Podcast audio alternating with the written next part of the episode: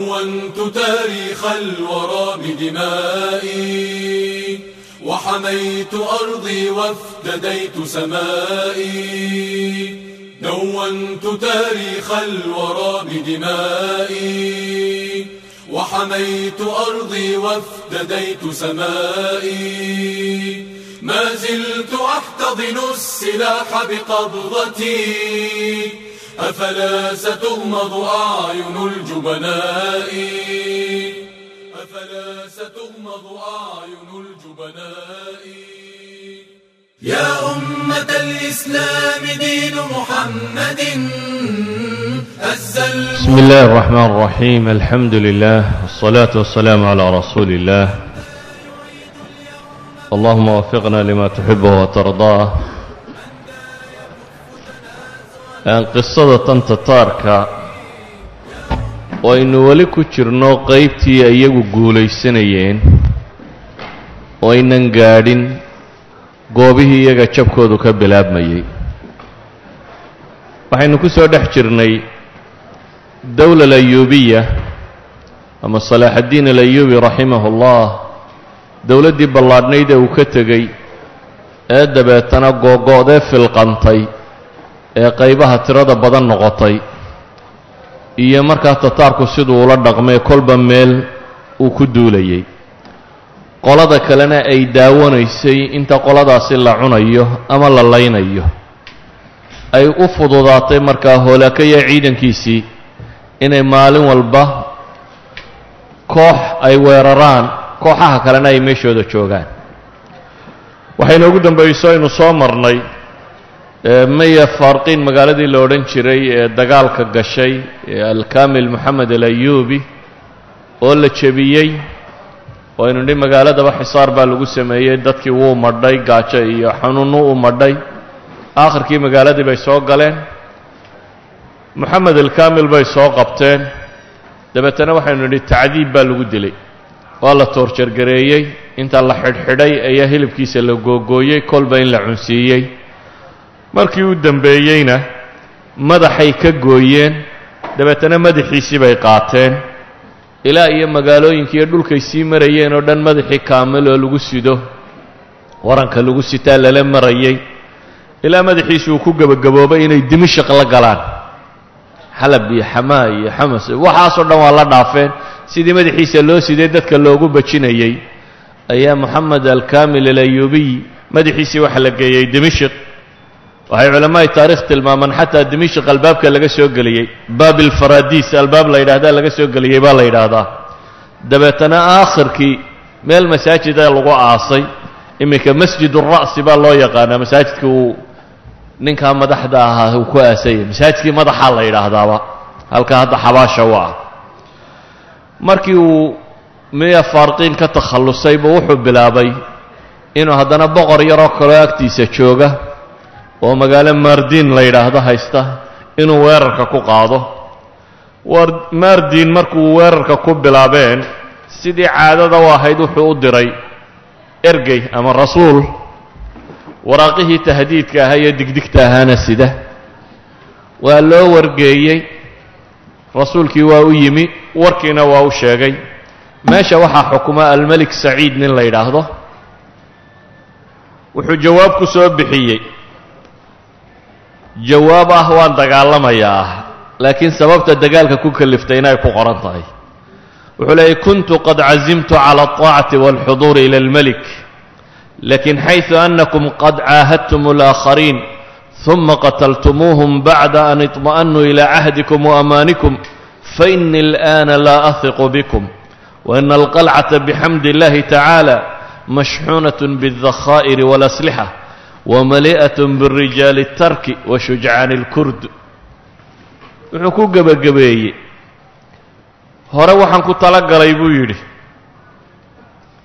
inaan boqorka u imaaddo oo aan u hoggaansamo laakiin waxaan arkay buu yidhi ciddii idiin hoggaansatay ee idin aqbashay iyagana inaad layseen oo idan ammaane iyo cahdi toona lahayn sidaa daraaddeed kalsooni ma qabo aan kuugu imaaddo ee waxaan kuu sheegayaa qalcaddaydu rag iyo xoolaba waa buuxdaa oo rag tiro badan oo turkiya iyo geesiyaashii kurdida ayaa ii jooga buu yidhi dagaal baanan ka xigaa imaatinkaaga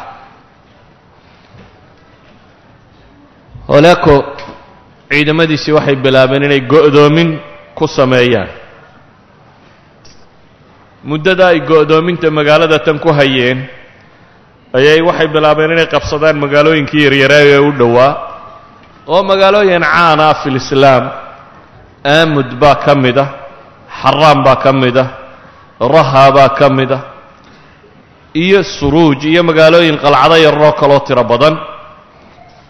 Intaasoo qalcadoodoo yaryaree magaalo markuu qabsaday oo ay magaalada tanina ugu jirto xisaar ayuu wuxuu go'aansaday inuu dib u yaro dhigo dagaalka magaalada tan ou xagga xalab u socdo.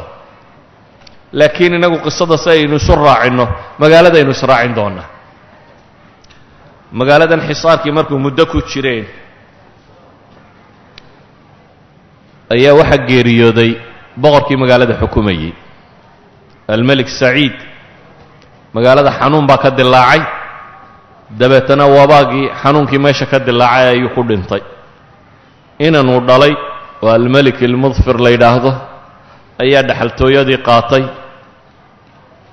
Inankii wuxuu bilaabay isagu inuu gorgortan galo hoolaku xidhiidh la sameeyey gorgortan buu galay hoolaaka nin buu u soo diray. Koohday la yidhaahdo koohdaygii waxoogaa baabay iska wacwacdiyeenoo wuu islaamay ninkan boqorka ah walaashiina waa la siiyey. Walaashiina wuu u guuriyey. Waxaanay aqbaleen inay dowladdii isu dhiibaan. Waxaa la yidhi boqorku waa inuu tagaa hoolaako oo wafdiya uu soo baxay. Ramadaan baa la yidhaahdaa buu soo baxay. Isagoo hadiyadihii iyo wixiina sida boqor hoolaakuu yimi wixii baa loo gudbiyey. Hoolaako markaa wuxuu ku yidhi niyow dhegayso waxa ii soo gaadhay muusilkii haystay carruurtiisii inay baxsatay oo xaggaa iyo masar ay u baxsatay. Muusil waa badrudiin lu'lu waa kii ugu xaggan safkan ugu xigayba yacni xisbu tataarka qoladii ka tirsanayd weeyaan. Hoolaaka wuxuu leeyay waxay soo gaadhay ninkaa carruurtiisii inay baxsatay oo ay qabteen meesha la yidhaahda masar. Waxaanan u malaynayaa un asxaabtiisii la socotay inay sababtay carruurtiisu inay baxsato. Ee waxaan kaa raba adiga waxa weeyaan inaad soo kaxayso asxaabtaadoo dhan dabeetana aada aniga agtayda kaga tagtid. Waayo idinma aamini karayo inay hadhow intay wax kugu akhriyaan idinna aad baxsataan oo masar qabataan wuu keenay asxaabtii iyo wixii oo dhan. Dabeetana waa la fasaxay. Haddana wuxuu ku yidhi hoolaako may. Waxa ay asxaabtaadu ii sheegeen inaad xagga hoose masaarida kala socotid. Waxaanan iigu muuqataa inaan kugu daro cid kaa mancida inaad baxsato waayo shakigaa weli waan qabaa asxaabtii lakeen ninkan baa u haysta madax furasho. Haddana wuxuu leeyahay adigu haddaad noqoto keligaa waan ka cabsi qabaa inaadeen inaad baxsatid. Markaa cid kalaa lagugu daraya. Nin la yidhaahdo axmed boqa ayaa la yidhi baa ku-xigeen kuu noqonaya oo magaalada maamulaya amiir. Adigana maardiin magaaladaadii waanu kuu celinnay nin fiican baa tahay weliba waxaan kuugu daray magaalooyinka kale ee nasiibiin magaalada la yidhaahdo iyo khaabuur iyo dhul badan oo ka mid ah diyaaru bakr aamudaynu soo sheegnay iyo alkaamil magaaladiisii ama meeshii caasimadda ohde miya farqin intaba adaan kuu wada dhiibay buu yidhi oo madax ka wada noqonaya. Dhulkan kale weli baanu qabannay qaybo ka mida qarqas meesha la yidhaahdana adigaan madax kaaga dhigay. Marka saxaabadaadoo dhanna waad ka tegaysaa ninkanina wuu ku raacayaa iyo isagaa meesha kula maamulaya. Mamlakadaadiina waan ballaadhiyey oo intaasoo dhan baan ka dhigay buu yidhi. Hal waxun baad yeelaysaa buu yidhi markaad magaalada ku noqoto waxa laaliya waxa qalcad iyo burji ku yaalla waad duminaysaa. Lama ogola dee askar iyo ciidamo iyo waxaad isku adkaysa inay dhacaan ee waa inaad baabi'isaa wixii qalcada meesha ku yaalla. Markii uu ka dhaqaaqay ka tegey ayuu wuxuu isugu yeedhay toddobaatan odaygii aabbihii ahaa asxaabtiisiiya oo lagaga tegey. Dabeetana wuxuu amray hoolaako toddobaatankaba in la dilo. Odayadan duqaytida ah in laga wada takhalluso. Wax dembiya oo ay geysteenna ma jiro laakiin meesha dowladnimadu inay si fiican uga muuqataa baa la rabaa.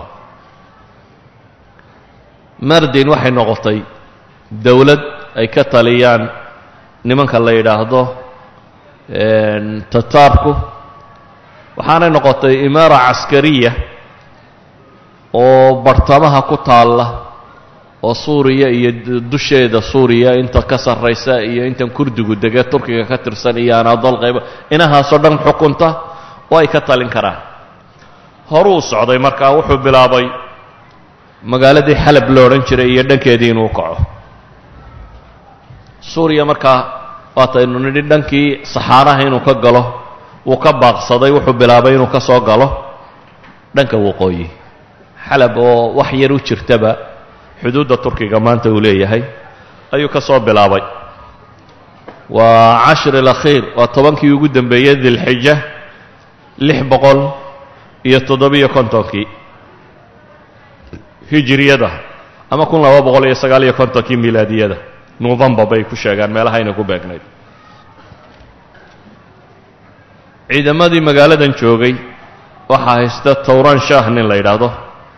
Towran shaah waa nin waayeel oo gaboobay oo kuwan meelahan xukumo o dhan adeer ugu beegan. Naasirkan dimishq xukumo waa adeerkii. Waa odayadii hore ee muslimiinta ahaa buu ka mid yahay. Towran shaah wuxuu qaatay inuu dagaalamo. Magaaladan aanu isagu dhiibin magaaladu markaa wixii ay xusuun lahayd way diyaarsatay dagaal bay u diyaargarowday xalab inay dagaalanto. Ciidan ciidamada ka mid a magaalada laga soo saaray magaaladu waa magaalo aada u dad badan oo caasimadii dalalka muslimiinta ugu waaweynaa bay ka mid tahay. Dimishq iyo marka laga reebo bay leeyihiin iyo baqhdaad gadaasheed xalab waa magaalada saddexaad baa lagu tilmaami karaa ee mantaqadaasi tira ahaan dadku uu degan yahay waxaa la sheegaa ciidamadii muslimiinta qaybo ka mid ah inay debadda u soo baxeen meel debadda ah baa la ysku helay.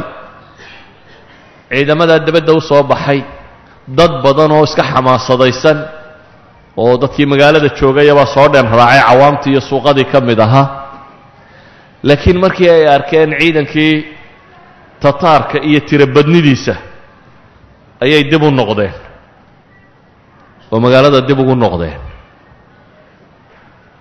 ciidamadii muslimiinta intii soo hadhay oo debadda meel magaalada horteeda ah ka samaystay dhufaysyo iyo goobay ka dagaal galaan ayaa tataarkii ku soo baxeen weerarkii koowaad baa la ysku yaro qaaday. Tataarku way u jabeen dib bay ugu yaaceen. Laakiin may ahayn jabay jabeene xeelo dagaal ciidankii badnaynta meel damba la dhigay ayaa qoladani u baqa carartay waa eryadeen hal saacada bay sii eryayeen goortii magaaladii laga soo durkiyey ayaa dhan walba laga galay. Dabeetana intaasi madaxa laga guray. Magaaladii bay soo duldegeen magaaladii square baa laga qabtay ama waa la go'doomiyey. Towran shaah ninkii la odhan jiray isagu wuxuu qaatay inaanu marnaba dagaal mooyaane wax kala aqbalaynin. Toddoba maalmood bay magaaladu go'doon ku jirtay isku dayeen inay towran shaah la hadlaan. Magaalada wararkii baa soo galay ah in maxaa la yidhaahdaa miya farqiin in la qabsaday in madaxii kaamil la sito in waxyaabihii dadka niyadjabka ku ridayoo dhan baa lagu akhriyey xisaar magaalada god bay ku soo wareejiyeen. Markay god ku soo wareejiyeen ayay kadibna derbi ku sii dul dhiseen si aan magaalada cidi uga bixi karin. Kadibna waxay bilaabeen labaatan manjaniiq madaafiicda culusa bay u rakibteen. Waa la garaacay. Caamadii magaalada ku jirtay markii garaacistiina ku badatay xisaarkiina adkaaday toddoba maalmood xisaarkaasi ay ku jiraan ayaa tamalmul dhacay ay leeyihiin waraan isdhiibno malaa isdhiibkaa la qaataye towraan shaah waa diiday inuu isdhiibo caamadii barh ka mid a magaalada albaabadeedii u furtay. Waxaa la yidhi waa isdhiibaynaa annagu sidan ku sii jiri mayno. Waa la soo galay markuu arkay in magaaladii la soo galay. Ayuu ciidamadiisa wixii aqbalay buu kaxaystay. Qalcad magaalada ku taalla ayuu towraan shaah la galay. Magaaladii xalab oo albaabada loo furay ayuu soo galeen atracti atrak maahee tataarkii wuxuu fasaxay hoolaako muddo shan maalmooda wixii dhaqaaqaya in madaxa laga jaro. Shan maalmood baa magaalada seefta laga dhargiyey. Dumar iyo carruurtii waa la soo ururiyey. Taarikhyahanada qaarkood waxay yidhaahdaan sabyiga carruurta iyo dumarka la qabsaday boqol kun way gaadhayeen baa la yidhaahaa. Yacni magaalada kataafadeedaad garan kartaa. Dumarkii iyo carruurtii ay qabsadeen boqol kunoo qof dadku gaadhaya ayay qabteen laakiin wuxuu faray inaan la dilin wax kiristana. Waxay kaloo sheegeen guryo gaara dad galay iyo kiniisaddii yuhuudda iyo mala axsaab hoosta kala socotay tataarka.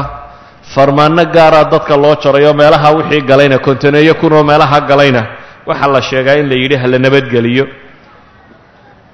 Magaalada inteeda kale waxaa la amray in dhulka lala sibo dayrkii magaalada iyo suwaarkeeda in la baabi'iyo masaajidda qaar in la dumiyo wax walba in la qarribo.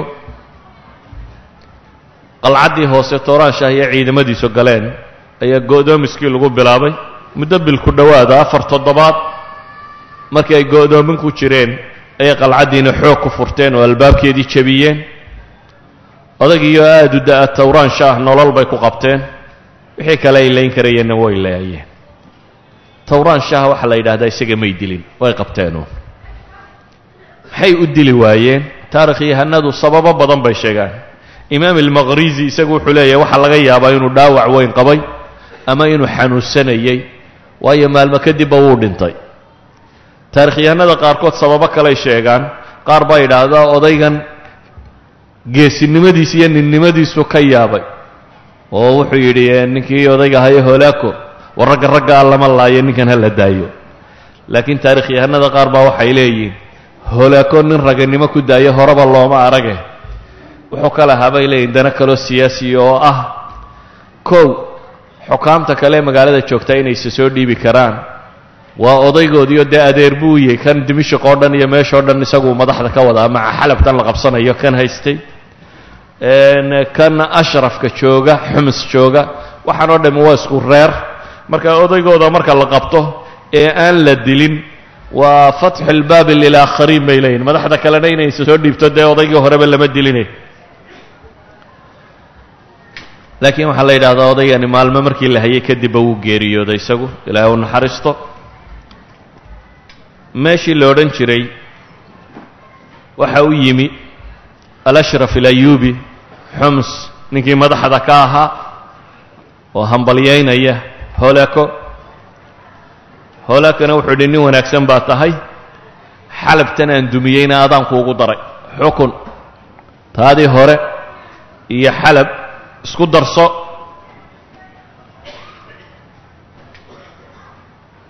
Koox tataarkiina wuu kaga tegey. Meelihii u dhadhowaa qalcadihii ku yaallay siba qalcad xaarim la yidhaahdo oo ilaa konton kilomitir magaalada u jirtay weerarka ku qaadeen. Muddo kadib dagaal markuu cabbaar dhacay iyana waa qabsadeen. Wixii ku jiroo dhanna waa laayeen. Markan waxaa ku hadhay waxaan badnayn shaam oo dhan. Naasir yuusuf oo aan magaaladiisii labaad ee adeerkii joogay difaacin ee le difaac waxaan kaga jiraa dimashq duleedkeeda iyo waxoogaaga u haystaa u hadhay wax ciidamaa ou dagaal la geli karo. Halkan markuu marayey ayuu mu'tamar qabtay hoolaako mu'tamar abaalmarina.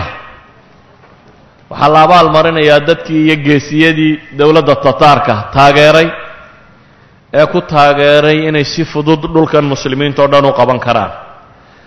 Laakiin mu'tamarku wuxuu ku salaysan yahay xasba ru'ya tatariya alqutb alwaaxid dunida la rabo inuu ka taliyo. Waxaa yimi markaasi oo bogaadinta ka qayb gelaya oo dee dagaalkana kula jiray. Maalan armeniya boqorkeedii haytham waxaa jooga antakiya boqorkeedii bohmanda sadis bohmandiyiinta kuwii la odhan jiray kii lixaad. Waxaa jooga salaajiqadii ama turkidii muslimiinta ahayd labadii boqore xukumayey kekawskii labaad iyo qalaj arsalaan araabici afraad. Waxaa la siinayaa markaa mukaafa'aat abaalmarino xoolihii iyo khanaymtii dee xalab laga furtaa laysku abaalmarinaya. Xalab xoolo badan baa laga helay. Laakiin qaabka abaalmarintani u dhacaysa waa qaab cajiiba nimankan maalan armeniya kan boqorka wahe haytham waxay idhahdaan waa ninkii dumiyey jaamicii weynaayey magaalada xalab markii magaalada la burburinayay isaga iyo ciidankiisa ku soo beegmay isagaa amar ku bixiyey in aljaamic alkabiir masaajidka weyne magaalada in la dumiyo. Isaga wuxuu siiyey xoolo badan. Xoolo badan markii uu siiyey oo abaalmarina. Ayaa haddana waxaa loo yeedhay labadii ninee madaxda ahaa ee muslimiinta ka socday ka kawsa thani iyo qalaj arsalaan araabic waxaa la yidhi idinku kow waxay yeelaysaan magaalooyinka xukuntaan iyo qalcadaha aa leedihiin qaybo ka mid ah. Oo ay muslimiintu hore u furteen waxaa ku wareejisaan boqorkii armeniya. Haytham si waa nimankii la socday wax la dagaalka kula jiray ayaa dhulkoodii qayb ka mida waxaa abaalmar loo siinayaa armeniya boqorkeedii la socday. Si armeniya boqortooyadeeda ay u ballaadhato oo xaliif istraatiijiyo xooggan u noqdo. Qoladanna abaalmarkoodii kaasuu noqday in dhulkooda qayb laga qaado oo loogu daro armeniyiinta in loogu daro. Abaalmarkii saddexaad ayuu wada bohmand oo antakiya gobolka la ydhaha ka tirsan turkiga. Xukuma ayuu u yeedhay.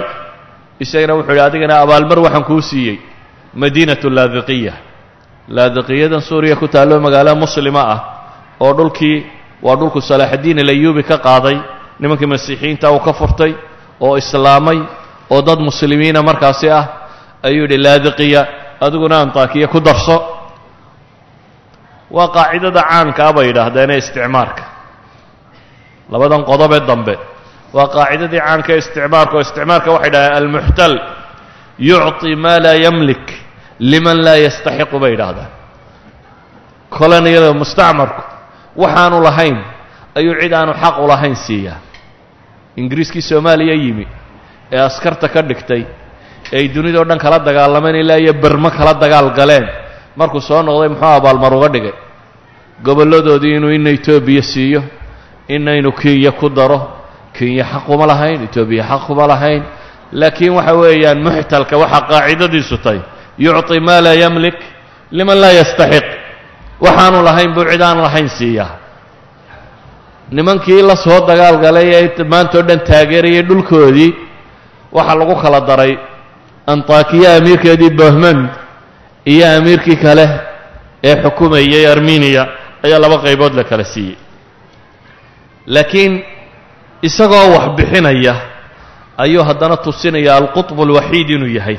Maamulaha koowaad aan dee dunida laga daba hadli karaynin. Sidaa daraaddeed qaraar afraad oo cajab badan buu soo saaray. Qaraarka kani labadii amiire uu wax siiyey buu cagsigooda yahay. Kii antakiya iyo kii armeniya ayuu qaraar cusub u sheegay. Qaraarka kani wuxuu sheegayaa inay iyana yaqiinsadaan. Taabicinayiin niman daba socda dowladda weyn inayiine inaanay ismoodin xaliif xooggan oo dee wax mudan. Qaraarkani wuxuu sheegayaa markaa waxaan beddelay buu yidhi kiniisaddii bariga ee idinka xaggiinna ka telin jiray wadaadkii haystayna waan beddelay wadaad cusub baan magacaabayaa buu leeyahay. Hoolaka iyo kiniisad maxaa isaga dana laakiin amar buu soo saarayaa inuu beddelo kiniisadda antakiya. Ninkii haystay inuu beddelo isagu kristan maaha kiniisadda antakiya waxba laakiin yaa lagu beddelayaa bal cajabtan kala dhegayso qaraarkani wuxuu sheegayaa madhabka bohmand iyo haytham madhabka ay haystaan sheekh aan hayn baan kiniisadda u dhiibayaa buu yidhi iyagu waxa weeyaan kiniisaddan ay haystaan waa kiniisa sharqiya orthodox iyagu kuwa kani waa yacni batririk iyagu waa catholic romanan baa looga taliyaa antakiya romaniya looga taliyaa waayo kiniisadda ninka jooga genewa baa laga soo diray marka horeba. Waa talyaaniga ayaa laga diray. Waa nin catholica dee protestant dunida markaa ma jirine waa catholic baa jooga iyo kiniisa sharqiya orthodox laakiin batririk yunaniya oo kiniisa sharqiya ka tirsan buu intuu soo qaaday ayuu kiniisaddii katoliga ahayd yidhi adigaa madax ka ah. Waa qoladan kristankaana wuxuu rabaa inuu u sheego maca diintiinna inuu isagu xukumo.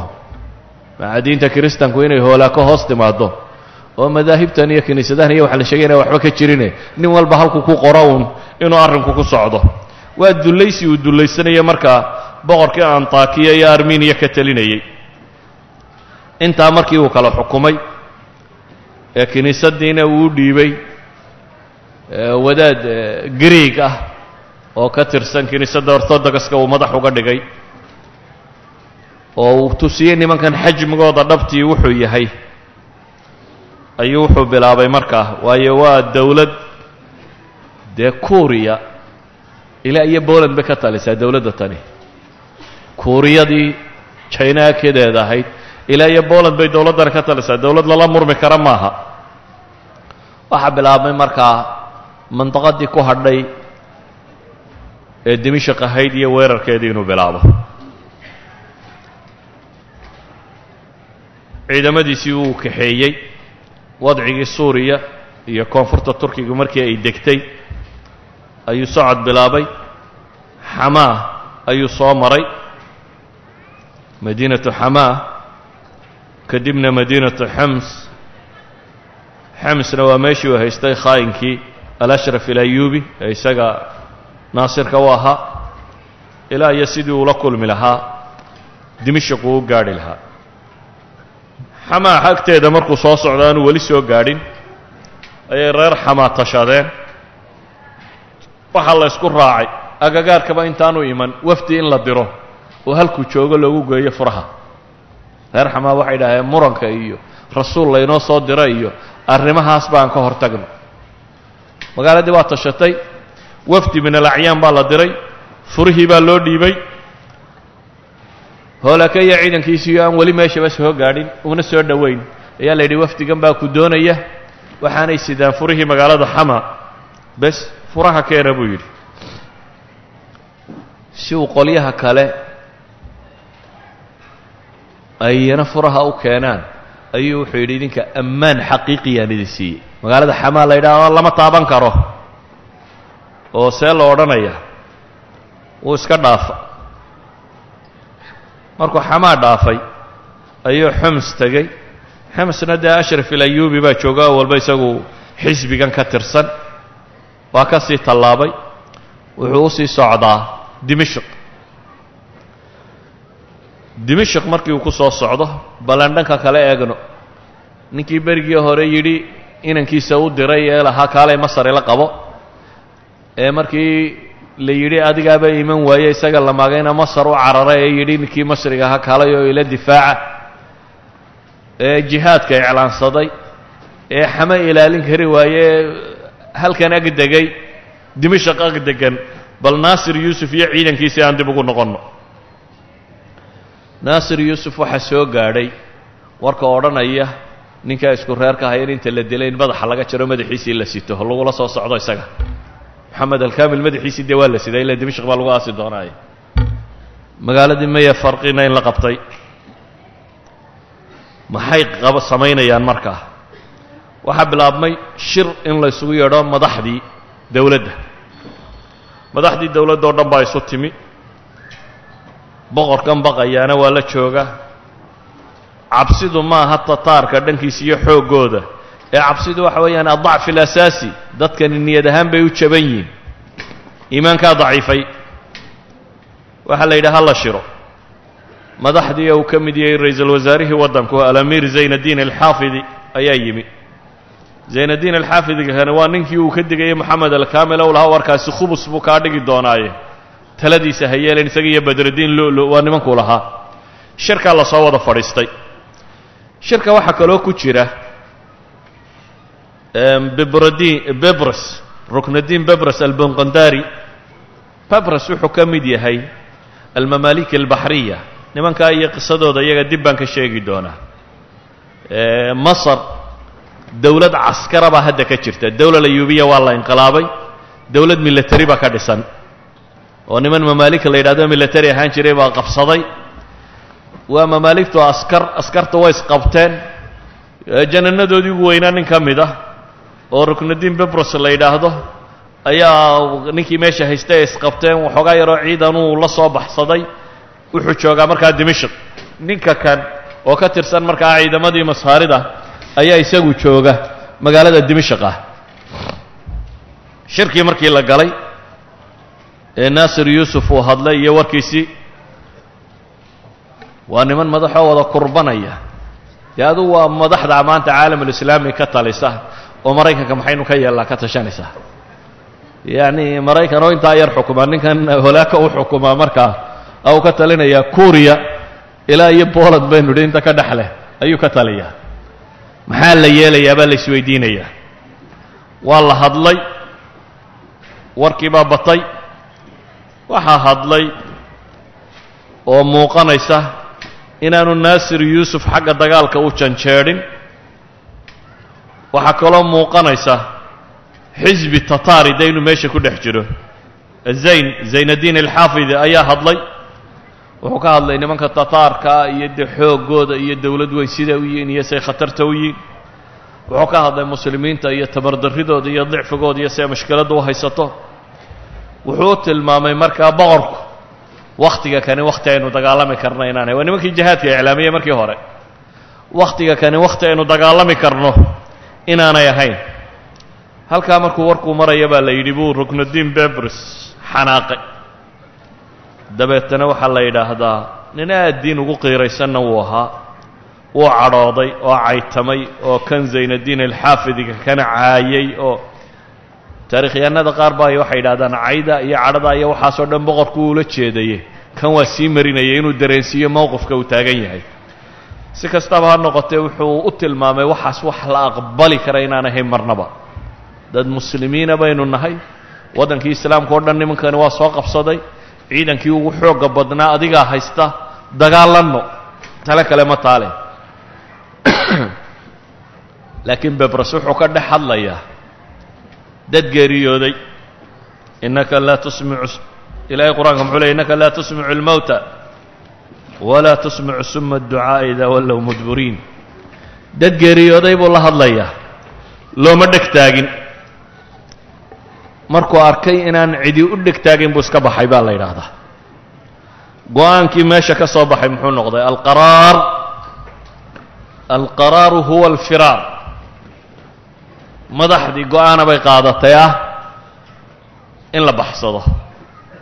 Waa madaxdii dhammayd ee jihaadka iclaamisay ee ciidanka dimishik hortiisa dhigtay ee hoolaaka ku soo socdo qaraarkii ka soo baxay wuxuu noqday maxay in la baxsado alamiir naasir yuusuf waa baxsaday. Umaradii kale waa baxsatay. Ciidankii waa kala firdhay. Magaaladii dimishik oo albaabaduu furayiinoo shacabkeedii iyo waxeedii joogaan oo haddana jihaad la iclaamiyey iyo hoolaakiya ciidankiisiiyo soo socda ayaa loo kala dareeray. Ruknudiin bebers markuu arkay qadiyaddu halkay marayso waxoogaagiisii u watay buu iska kaxaystay uu ka baxay. Wuxuu qabtay falastiin. Dowladdiisii horena waa dowladdii ay isqabtayna uu ka soo cararay. Laakiin xal kale ma hayo. Waraaq buu dirtay. Wuxuu la hadlay qutus janankii ka madaxda ahaa markaa masar. Wuxuu u tilmaamay mowqafkii muslimiintu meeshuu marayo. Wuxuu u tilmaamay markaa diyaar inuu yahay inuu ciidanka dib ugu soo laabto. Askari askarta muslimiinta ka mida inuu noqdo dagaalkaana inuu dib wax uga hogaamiyo tataarka lala gelayo. Waa nin dagaalyahana waa ka soo warrami doonaayo waa ninkii jebiyey. Ama dagaalyahanadii ugu waaweynay ee jebiyey xamlaadkii saliibiyiinta gaar ahaan waa raggii luwiskii sagaalaad gacanta ku soo dhigay luwis saabic faransiiska madaxweynahooda waa raggii soo qabtay buu ka mid yahay. Waa nin janan oo macruuf ku ah ciidamada muslimiinta ah. Marka kanna wuxuu dhex joogaa kooxdaasi qaraarka qaadatay ah in la kala yaaco.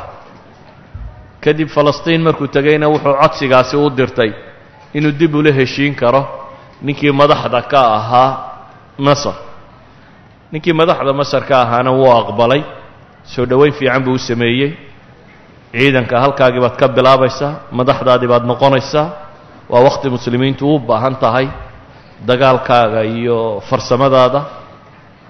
Bebres markaasi dib wuxuu ugu noqday falastiin buu dib uga baxay wuxuu ku noqday isagu markaa masar si uu soo abaabulo uga qayb galo ciidamada muslimiinta ee masar deggan iyo dagaallada ay la geli doonaan. Kooxdii kale meeshan tegtay waa kala yaacda markay kala yaaceenna dimashik oo albaabadu u furan tahay ayaa waxaa soo galay ciidamadii holaako.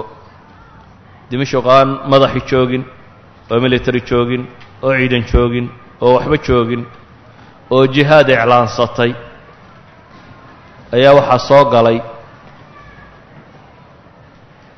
holaka iyo ciidankiisii.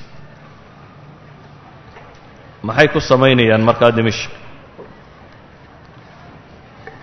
shacab aan dagaal u diyaar garoobin dagaalami garanaynin askartii muxtarafiinta ahaa ay ka yaaceen.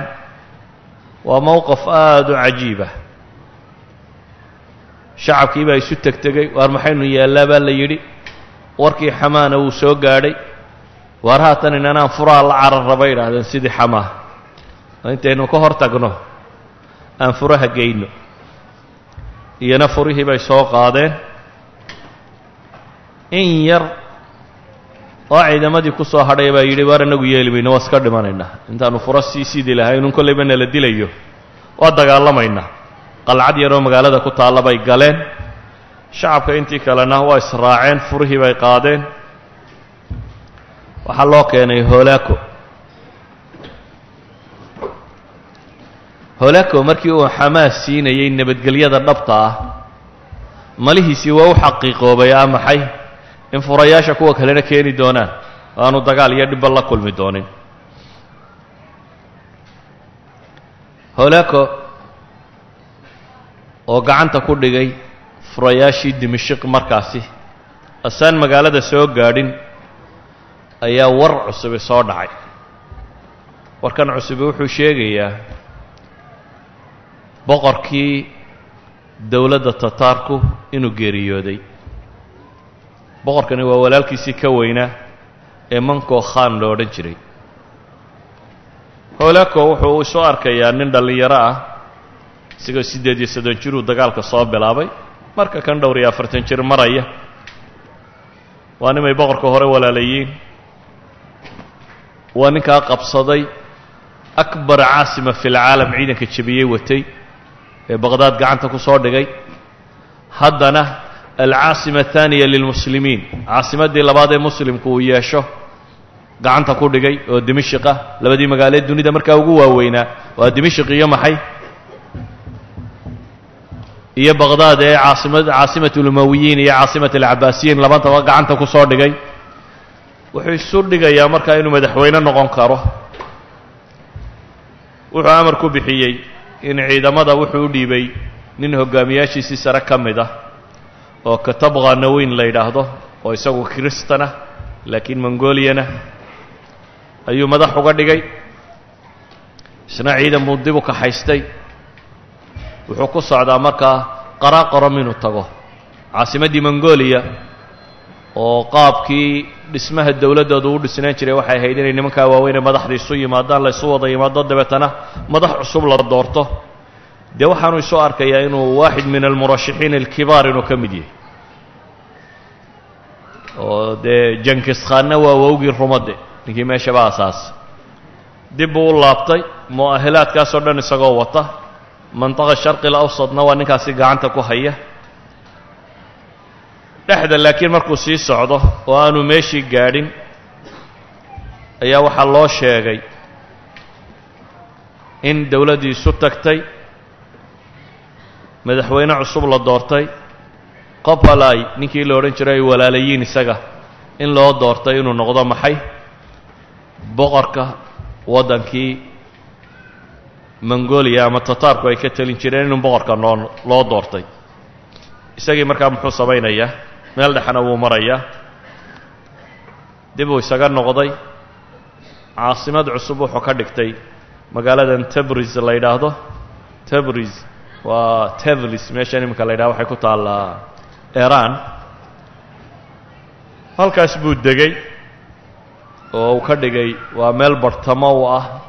Dowladdii ballaadhnayd ee uu ka telinayay inuu meeshiisa madaxtooyada ay u ahaato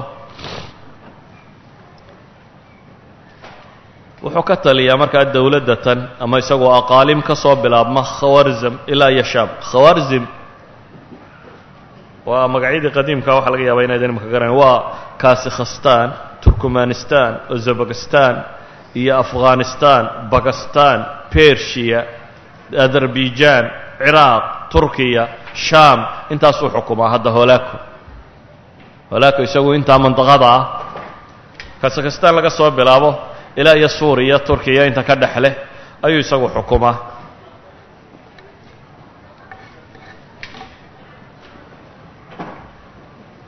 Holaako markaa dib uguma soo noqonin dimashik waayo waxaa iska macruufoo warkiina dee kollay soo gaadh ninkii u hanjabayee naasir yuusufna inuu cararay magaaladiina dee furaheedii la keenay. Dagaal xoogganoo uu soo dhaqaaqaa meesha ma yaallo meeshaasuu iska jooga isagu. Katabqa ninka la yidhaahdo oo wata ciidamadiisii ayaa soo galay magaalada dimashik isla markaana warqad ka helay. Hoolaako sheegaysa naasir yuusuf ninkii la odhan jiray meel kasta ha jiree soo qaadoo ii keen waa ninkii cararay in la soo qabto. Dimashik markay soo galeen ee furayaashii loo dhiibay caasimatu dimashik caasimaddii muslimiinta ee dowla lumawiya oo ka mid a magaalooyinka dunida ugu waaweyn oo ka mid ah meeshay muslimiintii saxaabadu ka talin jireen dhulkay saxaabadu furteen ah ayaa waxay ku dhacday gacantii nimankaasi. Waa markii koowaad taariikhda laga soo bilaabo afar iyo tobankii hijiriyada markay muslimiintu qabsadeen oo dimashik ay soo galaan saddex nin oo madaxa oo kristana oo dowlado ajanabiya madaxu ah waxaa soo galay markaasi ciidankii nimankaasi oo uu hoggaaminayo katabqa oo nin kristana ah oo uu hoggaaminayo boqorkii armeniya oo uu hoggaaminayo boqorkii antakiya saddexdaa nin bohmand iyo haytham iyo katabqa ayaa magaalada soo galay waa wakhtigaasi ku dhadhow baynu odhan karnaa lix boqol iyo kontoneeyada sannadood. Sidii hiraqalis iyo kooxdiisii muslimiinta uga saartay waa markii labaad ay dimashik dib ugu dhacdo gacanta nimanka kan. Waana runtii wakhti qiyaasi ah in dimashik iyo baqhdaadba laba sano gudahood ay dumaan. Waayo waa safar dabayaaqadeedii wakhtiga dimashik la qabsanaya sannadkii siddeed iyo konton. Waxa ay sameeyeen marka dimashik waa magaalo dad badani deggan yahay. Qalcado waaweyn leh. Mustawaa maciishigii uu koreeyo markay gacanta ku dhigeen magaalada tan waxaa madax looga dhigay nin la yidhahdo ibl sayaan balaan ibnu kahiir akhriyo waxa uu ka qoray masalada tan. Ibnu kahiir wuxuu leeyahay abul sayaan ninka la yidhaahda buu yidhi allaha nacdale ayaa wuxuu la kulmay. Kiniisadihii ku yaallay dimashik nimankii madaxda ka ahaa dabeetana wuu weyneeyey oo kanaa'istoodii buu soo booqday oo wuxuu siiyey xoog waxaanu ka dhigay daa'ifadii nasaarada ahayd ee markaa ku la noolayd muslimiinta inay ku biiraan safkaa hoolaaka iyo ciidamadatan koox ka midana waxaa loo dirayba tabriis iyo wufuud inay ugu tagaan boqorkii hoolaako iyagoo barakaynaya oo hadyada sida. Waxay ka soo galeen buu yidhi magaalada dimashik albaabka toma la yidhaahdo iyadoo saliibka kor loo sido oo dadka madaxyadiisa oo dhan kor looga qaaday oo ay dhawaaqayaan oo leeyihiin dahara addiinu lmasiix dahara addiinu asaxiix diinu lmasiix baa dimashik laga dhex leeyay. Waxaa kor noqday diintii saxa ahayd diintii masiixiyaddaa kor noqoday. Waxay soo galeen iyagoo caayaya markaa islaamka iyo ahalkiisa iyagoo wada weelal waaweyn oo khamri lagu sido oo albaabada masaajidda buu leeyahay khamri ku rushaynayaan oo meelaha dadka muslimiinta ay joogaan inta la yimaada khamri wejiga lagaga saydhsaydaayo dharka si loo nijaaseeyo salaadda aanay u asixin waxay fareen buu leeyahy kullu man yajtaasuuna bihi fi اlasiqati waاlaswaaq an yaquuma lisaliibihim. Waddooyinka iyo dhulka la soo maro o dhan mar haddii lala soo maro calaamadda kiristanka in dadka muslimiinta oo dhamme ay isu taagaan. Kadibna meel yaroo deka ah oo dukaan nin muslimi uu leeyahy inta dukaanka la istaagay dekadiisii dukaan nin haysto dekadiisa inta la istaagay ayaa khudbad laga jeediyey lagu ammaanayo ekroska aada loo ammaanayo diinta islaamkana aada loo ceebaynayo. Ibnu kathiir intuu ishayn waayey buu wuxuu leeyahy fa inna lilahi wa inna ilayhi raajicuun. Isagoo weli warka sii wadaba wuxuu leeyahy waxay soo galeen masaajidkii weynaa ee dimashik ku yaallay masjidulumawiyiin bay gudihiisa soo galeen. Iyagoo khamri sida oo khamri masaajidka la soo galay. Dabeetana qudaaddii qaadiyadii muslimiinta iyo nimankii fuqahada ee masaajidka joogay iyo dadkii meesha xaadirsanaay oo cadhaysan ayaa qalcaddii magaalada ku cararay. Oo ninkii madaxda ebel sayaan la odhan jiray oo zaciim tataara weeyaan ayay qabteen. Iyagoo raba inay ka ashtakoodaan daa'ifadan kiristankii waxay ku samaynayso isna wadaadadii u yimiyo intii wuu dulleeyey oo dabeetana wuu soo eriyey. Warkaa nasaaradaa saxee baxa buu ku yidhi. Ibnu kathiir haddana wuxuu leeyay fa inna lilahi wa inna ilayhi raajicuun. Dimashik waxay noqotay in ciidanka tataarkuna ka taliyaan daa'ifada kiristankuna ku amarku taaglayso ee meesha joogta maadaama ninka ciidanka watoo dhammi uu isaguba yahay ka tabqa nin masiixiya uu yahay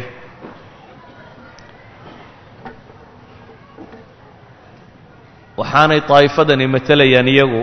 Waa dad muslimiinta la deganaa meeshana degi jiray garanayana khabaayaadka iyo meelaha muslimiinta wax ugu qarsoon yihiin oo dhan.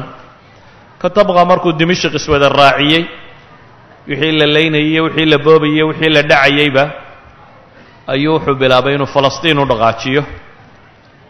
Dabeetana falastiin magaalada nablus la yidhahduu qabsaday horaa loo sii socday ghaza ayaa la gaadhay. Ghaza markaa masar sinaa shan iyo soddon kilomitir baa loo jiraa. Caalamulislaami markaa wax dowladda oo dagaalami kara masar baa ka hadhay.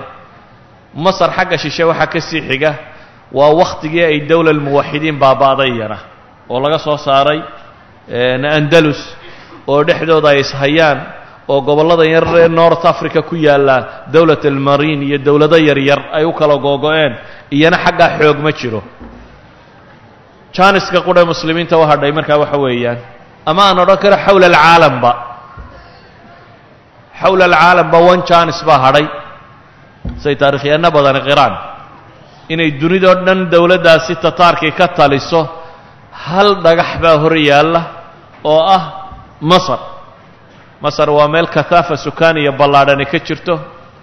Waa meel saxwa islaamiya ballaadhani ka jirto culamo badanoo muslimiini marka kan degan tahay. Waa meel dowlad islaamiya oo cusubi ay ka jirto. Dowlad aan boqortooyooyinka naaxnaaxay ahayne dowlad militariya inqilaabku wax ku qabsatay oo dowladdii koowaad ee casaakira ay meesha ka talinayso dowlad casaakira ka jirta. Dowladd nimankii la odhan jiray na waxay marayaan falastiin ghaza bay soo gaadheen. Katabqa wuxuu ku dhaqmay dhaqankii uu ku dhaqmi jiray ninkii odayga ahaa ee la odhan jiray holako oo ah imaarado yararoo badan oo kristana meeshan ku yaallay midna waxuma geysanin. Wuu wada dhinac maray.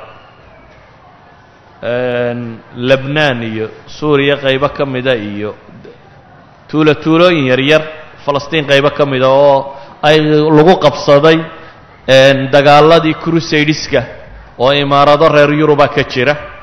Kuwii oo dhan wuu iska dhinac maray waxna dhiba uma geysanin. Laakiin deris buu siiyey ah. Mahma ay dowlado yarara sheeganayaan inay taabici dowladda u yihiin saa daraaddeed amar isaga ka yimaado mooyaane inaan wax kale lagu dhaqmi karin. Deriskan laakiin qaar baan fahmin boqorkii magaalada sayda la yidhaahda ka telinayay julian. Julian ninkii la odhan jiray oo sayda ka telinayey ayaa wuxuu arkay in tataarkii dee caalam islaam oo dhan qabsadeen. Dabeetana wuxuu is yidhi dowladda adna yaro ballaadhso wataa dee muslimiinta ay jabeene albaqaac meeshan la yidhaahdo ee ku taalla lebnaan intaasoo muslimiin haysato. Ayuu is yidhi ka gaadhsiiyo adna intaa ku darso. Katabqa baa loo sheegay boqor yaroo kristan inuu duulimaad sii wado meel halkaasiya farriin buu u diray uu leeyahay ma dhici karta inaad duusho. Laakiin wuu isdhega adkeeyo duulimaadkiibuu qaado intii yarayd buu ku soo darsaday. Katabqa isagana amar buu bixiyey in cagta la mariyo. Julian iyo saydabana cagtaa la mariyey. Waxaa dhacday isagana yoxanna thani mid la yidhaahdo oo bayruut markaa isna xukumo kristana ayaa isna is yidhi wallahi wataa muslimiinta laga takhallusaye mantiqatuljabal adna ku darso oo bahasha yaro ballaadhe. Isna war buu u diray uu leeyahay arrinta joojiya wuu yaro dhaga adaygay isagana cagtaa la mariyo waa lagu daray. Dowladdaan warkeedu soo noqonayn baa meesha taalla. Ama kristan haw ama muslim ahawe aanada amar yeelan karin inaad taabic noqoto mooyaane inaad daba socoto mooyaane. Alqutb alwaaxid waxaa soo baxday dunidoo dhan in hal dowladi ka taliso oo waa dowladdaa qaadatay go'aanka ah xataa daa'ifada kiristanka ee katoliga wadaadkeeda inay ka dhigto inuu noqdo maxay? Wadaad ortodogasa inuu ortodogos ka taliyo. Waxay u arkayaan markaa yurub kiristankii joogay ee barigoo dhan wuu qabsaday waa masale aada u fudud markaa caalamulislaami oo la moodayo inuu aada u xoog badan yahay. Siiba mantiqadii dowla alayuubiya ka telinaysay iyo mantiqadii dowla alcabaasiya ka telinaysay labadabana laba sano dagaal soconayay ku qaadatay inuu kaga takhalluso. Hadda waxaa hadhay oo qura. Waa masar. Masar xoog tiro badan oo islaamiya yaalla. Waa mantiqo dadka deggan ay aada u tiro badan yihiin waa mowqac istraatiijiya waa cidda qura ee aynu leenahay way hor taagnaan kartaa. Dowladda tan waa meel kahaafo sukaaniya leh. Waa meel saxwo islaamiya ka jirto. Laakiin masar lafteeda markan iyana azimaad kala haysta. Asma siyaasiya baa haysata. Oo niman mamaalik la yidhaahdaa xukuma mamaaligtu waa niman markii hore addoonnimo waddanka lagu keenay military laga dhigtay. Dabeetana aan casabo qabiileed iyo reer ay ku tiirsan yihiin iyo mandiqadda ka tirsanayn askara baa haysata. Marka asma siyaasiya sharcinimadooda ah baa taagan.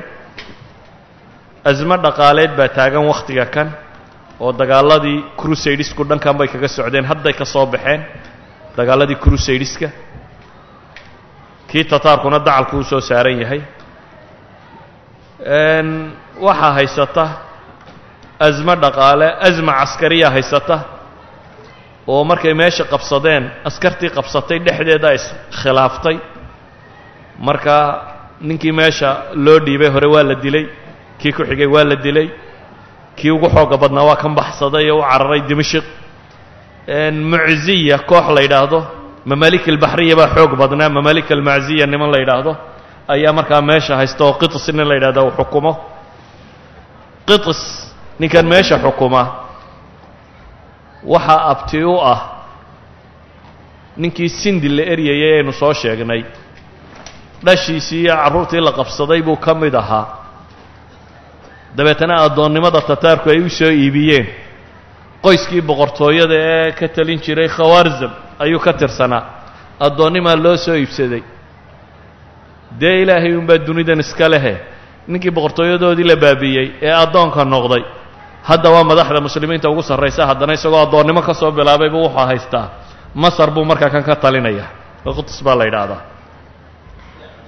Qadiyadda tani markaa waxay u baahan tahay meel dambe iyo war dambeoo ballaadhan waayo waa macrakada dunida ugu caansan baan odhan karnaa ee jebisay aqwa dawla fi lcaalam ayaa soo socota macrakatu cayni jaaluut waa dagaalkii ugu weynaa yurub oo dhami way iska kicin kari weyday. Tataarkii muslimiinta intii kaleo dhan waa la soo jidho waa la iska kicin kari waayey. Waa aakhar qalca fi lcaalam bay yidhaahdaan. Dagaalkaa ugu dambeeya hadday dunidu ku jabto waxa weeyaan dunida in tataar ka talin karo. Laakiin biidni illaahi tacaala wixii ka dambeeya waxaynu dib u bilaabi doonnaa dunidoo tataarka dib looga safaynayo. Iyo dowladda masar oo markaa ku guulaysatay inay dib u riixdo. Ninkii naasir yuusuf lo odhan jiree baxsadayna. Ee dimashik ka cararayna. Firdhadkii falastiin buu galay uu ka sii firdhaday urdun buu galay saxaaraha urdun buu ku dhuundhuuntay. Boqorkii hoolaakaa amar ku soo bixiyay in la soo qabto wuxuu dhuumashada ku jiraba. Meel saxaaraha urdun ka mida baa laga soo qabtay isaga iyo koox uu dhalay iyo wax la socday. Hoolaaka iyo dhankiisii baa loo diray. Laba shayba waa la sheegaa inuu ku dhintay. Qola waxay yidhahdaan hoolaakaa dilay qaarna waxay yidhahdaan maahee dib maadaama uu iska ahaa qof uu wadwadan karo dib buu ugu soo amaamudo wuxuu yidhi xalab iyo dimashik iyo meeshii baan kugu wareejinayaa isagoo boqortooyadii dib loogu soo wado ayay dhacday waqcaddii caynu jaaluut ee tataarka lagu soo jebiyey firdhadkii tataarka oo caymada meel dhexa ka helay baa la yidhi kuwii baa kusii cadha burburay isagoona madaxa ka sii jaray wallahu aclam billahi towfiiq دونت تاريخ الورى بدمائي وحميت أرضي وافتديت سمائي دونت تاريخ الورى بدمائي وحميت أرضي وافتديت